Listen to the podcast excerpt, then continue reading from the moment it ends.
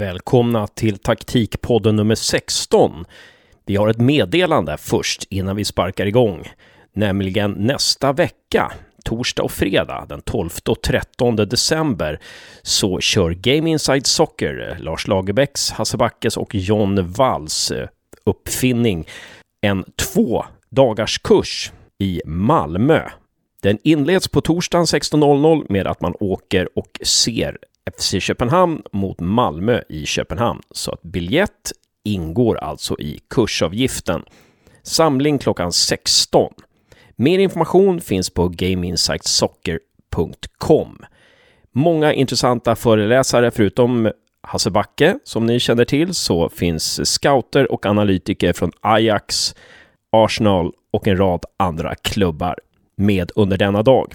Även Josef Karstensen från Taktikpodden finns där och förstås också John Wall som är en av arrangörerna. Så att vill ni prata med delar av Taktikpodden så kan ni också passa på. Anmälan, hur gör man en sån? Man skickar mail till scouting snabela gameinsightsoccer.com. Så scouting snabela gameinsightsoccer.com. Nu kör vi igång podden och den här gången så pratar vi med Anders Båt, 28-årig fotbollsspelare i Syrianska med rötterna i BP och med erfarenhet från allsvenskt spel i flera klubbar, har också påbörjat en tränarkarriär. Förra året så basade han för ett lag i Brommapojkarna som vann sin serie. Nästkommande år kommer Anders Båt ta hand om BP's J19-lag. Vi pratar med Anders Båt om vad han har snappat upp hos sina tränare som han har haft under åren. Kim Bergstrand till exempel, Öskan Melchi Mikkel, Stefan Billborn, Roger Sandberg med flera. Anders Båt jobbar ju också med MFS, ett företag som jobbar med individuell spelarutveckling. Anders berättar också en del om hur han ser på det jobbet. Som vanligt så vet ni ju att man kan vinna saker när man lyssnar på den här podden.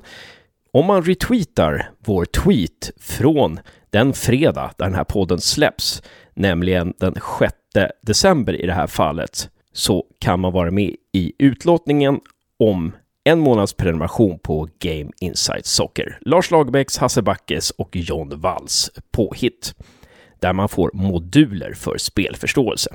Veckans vinnare är redan kontaktad. Avslutningsvis så vill vi fortsätta att påminna om vår vlogg där vi varje söndag kommer med ett avsnitt. Förra söndagen så gjorde jag ett gästspel, ett improviserat gästspel, där jag pratade lite utifrån David Samter om eh, Marcus Rosenbergs eh, frånvaro i Malmö och vad den skulle innebära för nästa säsong 2020. Men nu på söndag är det John Wall återigen som pratar taktik och visar saker på en taktiktavla. Finns på Youtube, heter Taktikpoddens kanal, prenumerera gärna. Men vi lägger också ut den på svenska fans förstås. Ja, då är det bara att köra igång. Håll till godo. Nummer 16 här, Anders Båt.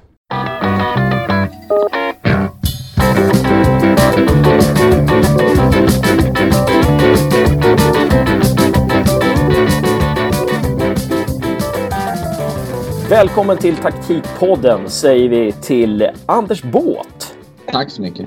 Fotbollsspelare i Syrianska, som du har återkommit till, för du spelade ju Syrianska i Allsvenskan, du har spelat med Gävle IF i Allsvenskan och du har ett förflutet i BP och nu jobbar du också som tränare vid sidan om din fotbollskarriär.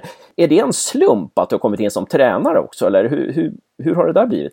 Nej, det är väl alltså sedan länge, redan 2016 eh, så hade jag och Sasha Sjanic och Tobbe Birgersson Gävles P16 ihop så att egentligen började väl tränarkarriären redan då. Eh, och sen vart det att man flyttade till Brommapojkarna, sen flyttade till Finland och sen som du säger nu tillbaka till Syrianska. Eh, och sen så var det så att Martin Falkeborn, en eh, annan spelare i Syrianska, eh, tränade ett BP-lag, 03 och eh, den tidigare han hade haft med sig flyttade till, tror det var Jönköping eller något annat. Så då fanns det en ledig plats där. Eh, och eh, då frågade han helt enkelt om jag var intresserad och körde ihop med honom och då började vi träna det här BP-laget. Eh, och till en början bara ett BP-lag och så gick det väldigt bra. Och sen efter, mot slutet nu på höstkanten, eh, så fick vi till BP-lag 06 också, för då var det en lillebrorsa till en i det här 03-laget som tyckte att vi var intressanta. Eh, och eh, då med det här 03-laget slutade att vi vann division 1, vilket var en fin merit som gjorde att BP-föräldrar och BP's, kan man säga, ledning var väldigt nöjda, vilket gjorde att vi var frågade att ta över J19 eller J19 yngre kan man kalla det. Eh, så att där är vi idag på tränarbiten. Det är oerhört intressant att prata med dig just om det här. Det här är första gången vi pratar med en aktiv spelare som också har en tränarkarriär. Det ska bli intressant att prata om det. Eh, men innan vi kommer in på det ska jag hälsa Josef välkommen också. Hur är det? Läget? Det är bra Hasse. Eh, det ska bli riktigt kul att snacka med dig och Anders. Då kan vi väl ta och börja med då, Anders. Vilka saker har du plockat upp från din spelarkarriär som, som du tycker är viktiga som grundpelare när du leder ett lag? Jag har haft förmånen att ha väldigt många duktiga tränare som är väldigt framgångsrika idag. Framförallt i BP och sen senare också. Eh, och, och då har man ju plockat en, man säga, en påse av en blandning av Bergstrand och Öskan och Billborn och alla de har haft under ungdomsåren som har lyckats väldigt bra på senare år. Och med det fått, ska man säga, bildat sig själv en, en stil och det jag skulle säga att det som jag mest vill är att en spelare ska börja tänka fotboll. Och det är väl det att, ja, men, spelar man ytter, ja, men, att man inte enkelt beskrivet ställer sig vid sin ytterback utan att man hela tiden gör det bökigt för motståndarna och ställer frågor. Och det är just yttersituationen är ganska enkelt att säga ställ inte på din ytterback. För att, ja, men det förstår alla. Men att få in det till alla elva hela tiden då ställer man otroligt många frågor och speciellt i ungdomsfotboll ser man att vi nötte rätt mycket taktik med våra killar och alltså motståndarna hade ingen aning om vad som hände många matcher. Vilket är otroligt kul att se. Hur gör du så att dina spelare tänker fotboll? Ja, det är en bra fråga. Eh, det tar tid. Det är väl det första man kan säga. Det är eh, nöta, prata och framförallt har vi nött mycket spelmönster. Vi har pratat om mycket hur vi ska spela mot olika formationer. Möter man en fyrbackslinje eller en trebackslinje? Det är egentligen de stora skillnaderna. Eh, hur man ska ställa sig till det. Och sen är det en evig repetition att säga dem om igen. För att har man lärt sig någonting så är det att 13 till 16-åringar, det krävs repetition. Men ja, det är så vi har jobbat att det tog egentligen två, tre månader att sätta det. Men sen hade vi någon match här vi mötte, vi hade ett på pappret relativt svagt lag och vi leder med 6-0 efter 60 minuter och innan matchen sa vi ungefär att ja, vi är glada om vi går härifrån med kryss, men det säger man inte till spelarna. Men vi kände att det kommer bli väldigt tufft och så stod det 6-0 efter 60 minuter. Det var, det var nästan eh, årets starkaste upplevelse att vi knäckte dem totalt taktiskt. Det är ju jätteintressant det här med nöta som du säger. Kan man ta något exempel där som, som ett konkret exempel där där det handlar väldigt mycket om att nöta. Kan du liksom ge exempel på något moment som ni liksom körde om och om igen tills det satt? Ett sånt som vi jobbar framförallt väldigt mycket på nu som vi har fått extrem effekt på det är att vi spelar en form av 3-4-3, 3-6-1. Kalla det lite som man vill men att man har tre mittbackar, två sittande innermittfältare, två tior, en ving på varsin sida och en forward. Om vi är på offensiv planhalva, bollen går ut till våran ving då ska tian på bollsida alltid dra i djupet. Förutsatt att inte motståndaren spelar man-man över hela banan, vilket väldigt få gör, utan nästan alla spelar med en fyrbackslinje. Då hamnar frågan till, ska innermittfältaren följa? Då blir det ett jättehav i mitten. Vilket, ja men tack, då spelar man inne på andra tian. Följer första mittback, då blir det ett jättehav och spelar in då våran forward som blir kvar då. Han är en mot en i straffområdet. Och en mot en i ett straffområde, det är ganska tacksamt det också. Och följer ingen med, då är man mer eller mindre fri i den här så kallade assistytan som ni kanske har koll på men som är ytterzonen i straffområdet. Så att antingen är man fri centralt i mitten eller så är man en forward en mot en i straffområdet eller så är man fri i assistytan. Och det, är liksom, det har hittills, ja men det, det går som på räls. Man ser, vi eftersom vi vet att det ska hända. När vi får ut bollen på vår ving och vi är uppe på offensiv planhalva och etablerat spel då bara står man och nästan njuter. För det är som schackspel. Det är bara tjapp, tjapp, tjapp och så öppnar det upp sig på ett eller annat ställe. Och när du säger då nöta, liksom, står ni i omklädningsrummet eller i, i något rum och liksom visar på en taktiktavla eller eh, är ni ute, alltid ute på planen? Eller när jag pratade med Hasse Backe så brukade han, han tyckte att om man inte vill träna liksom, då kan man ha ytterkläder på sig och gå runt på planen för att visa såna här eh, hur, hur man ska springa och gå och visa ytor och så. Eh, ja, hur gör ni för att nöta det här rent praktiskt? Det mesta vi gör det är ju att vi repeterar som sagt mycket och till en början på ja, men, tavla och med koner rent teoretiskt hur de ska göra och sen är det ute på planen. Och just offensivt har vi nött mest, ska man säga, efter uppvärmningen med lite tempo.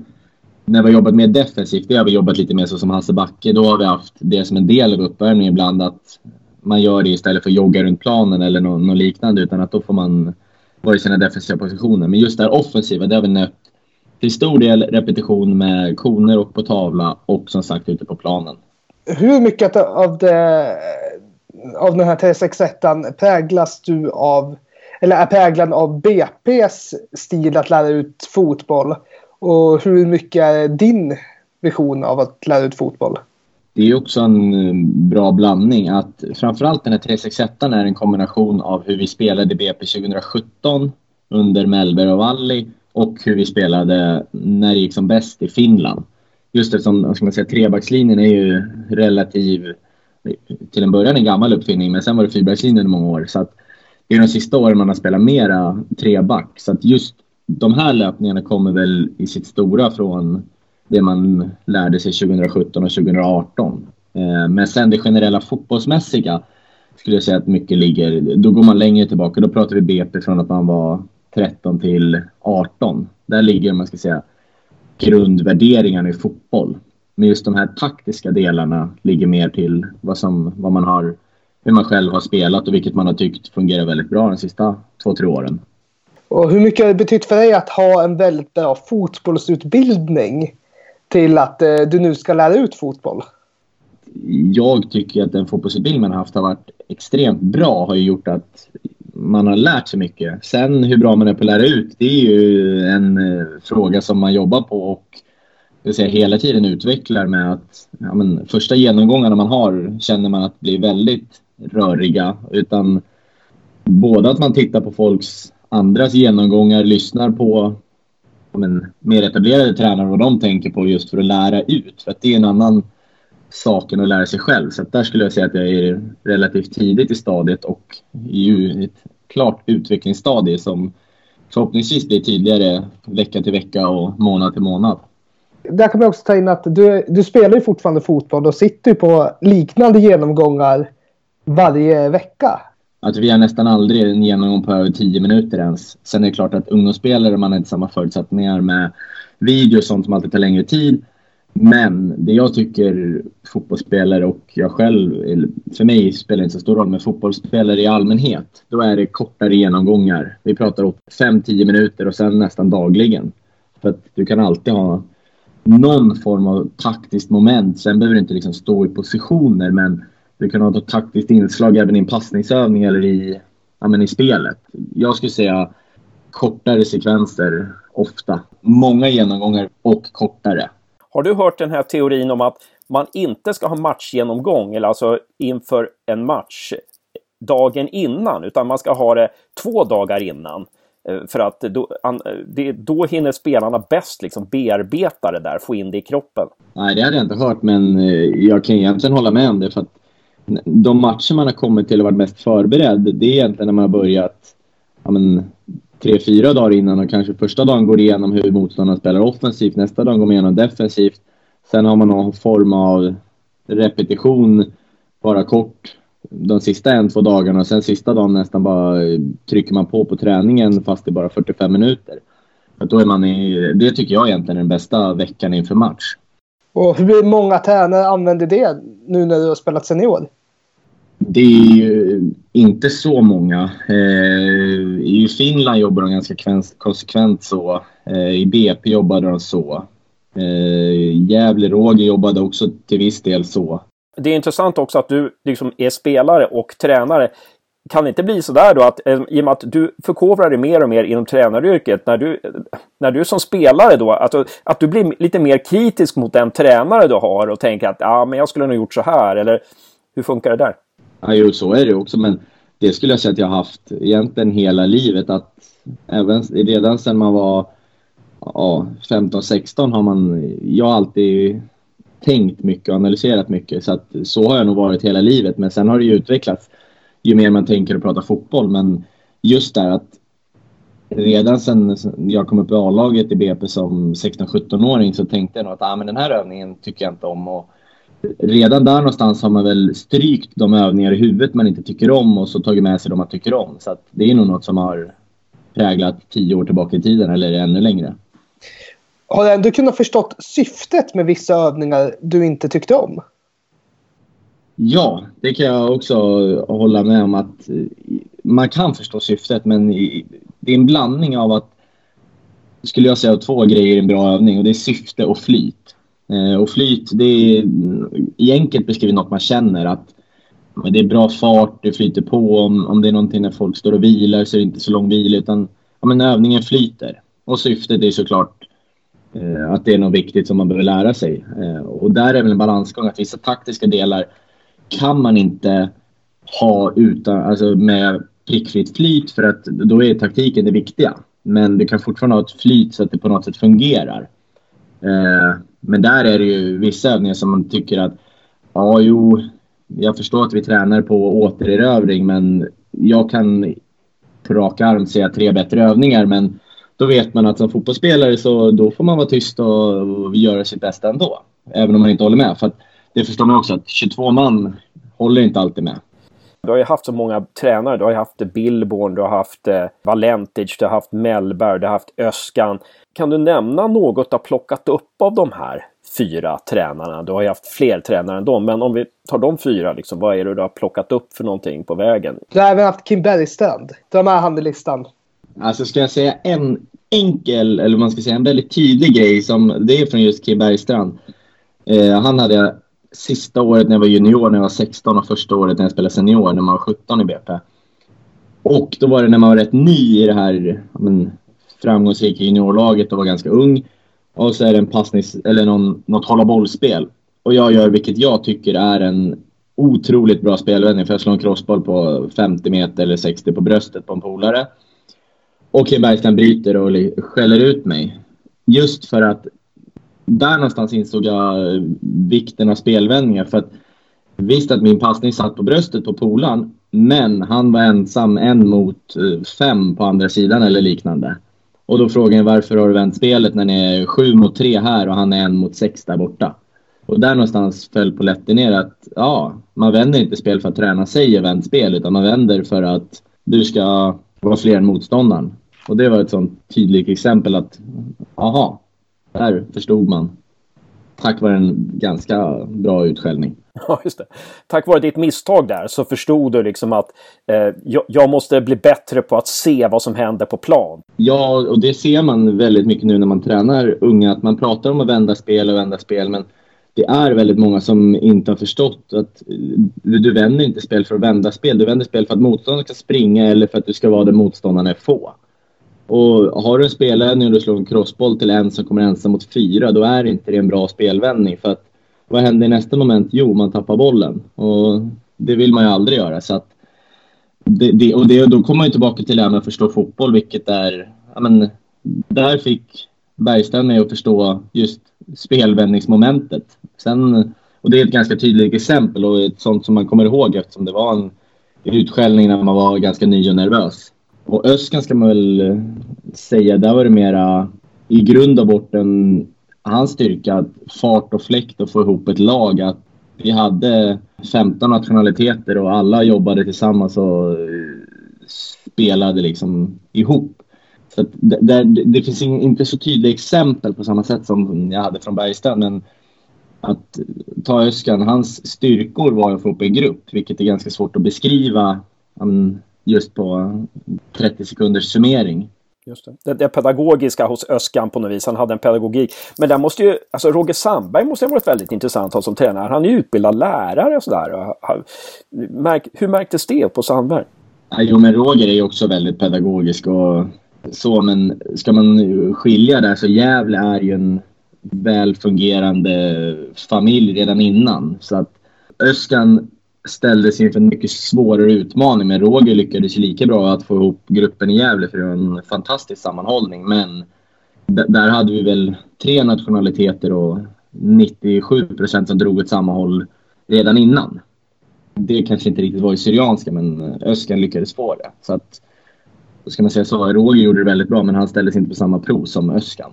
Valentic och, och Mellberg känns ju så här otroligt taktiskt eh, drivna. Jag tyckte BP under det året, du var ju med där under ett halvår eh, när BP vann serien och, och, det kändes som att BP kunde byta taktik när som helst nästan.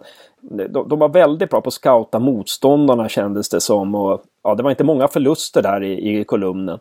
Eh, har jag rätt? Du har helt rätt och där är väl återkomma till det man tycker var bra. att Vi pratade taktik nästan varje dag, inte jättelänge men det var tio minuter, en genomgång och sen var det något moment på planen. Och helt plötsligt när du kom till match så hade du en väldigt tydlig plan och man hade väl man säga, två, tre, både i pressen och i uppspelen hur man varierade lite vad man, vad man ville. Och kunde du då snurra mellan de här beroende på vad motståndaren gör så jag vet att vi mötte Frej och de gick upp jättehögt och försökte låsa men då började vi droppa ner med mittfältare på utsidan. Så att I ett vanligt 3-6-1 eller vad man ska kalla det, då, då är man ju väldigt många centralt. Men i den 3-6-1 vart vi väldigt mycket in mittfältare på kanten som ja, ska man säga, hamnade i en frizon och vart spelbar och helt plötsligt var Frejs press borta. Så att eh, just den taktiska biten och hur man jobbar där är någonting som man tar med sig från Mellberg och Valli. Hur skiljer det sig att träna BP mot att bedriva individuell träning i MFS? Det är samma där. Eftersom man är skolad i BP så skulle jag säga att man, det skiljer sig också i Gävle att jag trivs egentligen bäst att få träna de som verkligen vill och ska man kalla det de som vill elitsatsa. För att det är där någonstans man själv har varit och hela livet har tänkt att men, gör man någonting så gör man det helhjärtat. Eh, och det var väl en skillnad mot Gävle och en skillnad mot MFS som är en individuell fotbolls Eh, akademi där vem som helst får träna, vilket är väldigt bra. Men det är alltid roligast att träna de som vill det mest och som är duktigast. Det, det skulle jag säga. Eh, och sen en stor skillnad på att träna lag individuellt blir ju att individuellt så stort fokus ligger att spelarna ska ha så många touch som möjligt på bollen. Men jag tänker om man bedriver individuell träning, alltså om man går dit som spelare som, och eh, ska bli drillad. Eh, kan det ändå saknas motivation hos dem? Ja, eller inte motivation till viss del. För att det, det är också en säga, utmaning att de är ju mellan säga, 11 och 17 år generellt. Och i den åldern är det många som har svårt, framförallt 11 till sig 14, som har svårt att våga bli trötta. Och där ligger väl en stor eh, del i att man försöker alltid hitta någon form av tävlingar eller stafetter eller någonting så att de lurar sig själva. Att, men om jag tävlar mot han där och den som kommer först, ja men då eh, blir det någonting och helt plötsligt så blir de helt slut. Och då har man ju lyckats få dem att inse att ja, men det gör inget att man springer fullt i tio sekunder till. Man dör inte och blir lite andfådd. Så att eh, motivationen finns väl där men den här eh, viljan att, eller våga bli trött, den är lite den måste man lura fram genom att hitta roliga tävlingar. Vad ser man som den största farhågan i att bli trött? Ja, det är, det är också en bra fråga för att jag har alltid varit en sån spelare som ger allt. Så att i min mening så finns, är det jättekonstigt att inte alla är så. Men egentligen är det att sitta samma på en, gå och titta på vilken lagträning som helst och ser att det finns alltid några som småfuskar lite och ja, det är väl den mixen av att en blandning av att föräldrarna vill det och att man vill det men att det är jobbigt att bli helt slut. Men hur man gör med yngre, det är, det är som sagt en utmaning. Och deras psykologiska, det är väl ännu mer en utmaning att jobba med. det är också, ju äldre de är, ska säga, desto lättare är det. För då kan man alltid, ju äldre de är, ju närmare är de på något sätt att eventuellt kunna bli fotbollsspelare. Och då kan man sälja in drömmen om att ja, men, leva som fotbollsspelare. Desto yngre de är, då blir det svårare. Eh, för då, då är det svårt. Eh, det är därför de inte vill bli trötta på samma sätt. För de har inte insett att är du 17 eller 16 då kanske du knackar på dörren till ett A-lag. Då är det ganska lätt att säga att gör det här så kommer du komma närmre. Är de 13 däremot, då eh, handlar det om att prata om... Mycket blir att man drar paralleller till sig själv. Att men jag spelar akademin i BP, jag gjorde det här och det här och det här. Vill du det så är det här som krävs. Eh, men som sagt, desto äldre de är, desto lättare är det att sälja in det just för att ja, men, då är de närmare ett A-lag. Ja, precis. När du är 11 år, om man säger så här, och när du om fem år, när du kan, fem år, det är ju liksom, det är halva det liv man har levt. exakt. Att nu ska du bli svintrött varje dag i fem år för att kanske få en belöning sen. Det tror jag inte säljer in så många 11-åringar, tyvärr. Nej, precis, precis. Tack så väldigt mycket Anders Båt för att vi fick prata med dig. Otroligt intressant och hoppas vi kan återkomma till dig i kommande poddar. Tack själva. Det, det tror jag absolut vi, vi kan göra. Och tack så mycket Hasse för att eh, du kunde vara här. Detsamma Josef. Grymt jobbat. Det är du och Anders som har förberett det här snacket. Så att eh, all cred till er. Ha det bra grabbar. Thank you.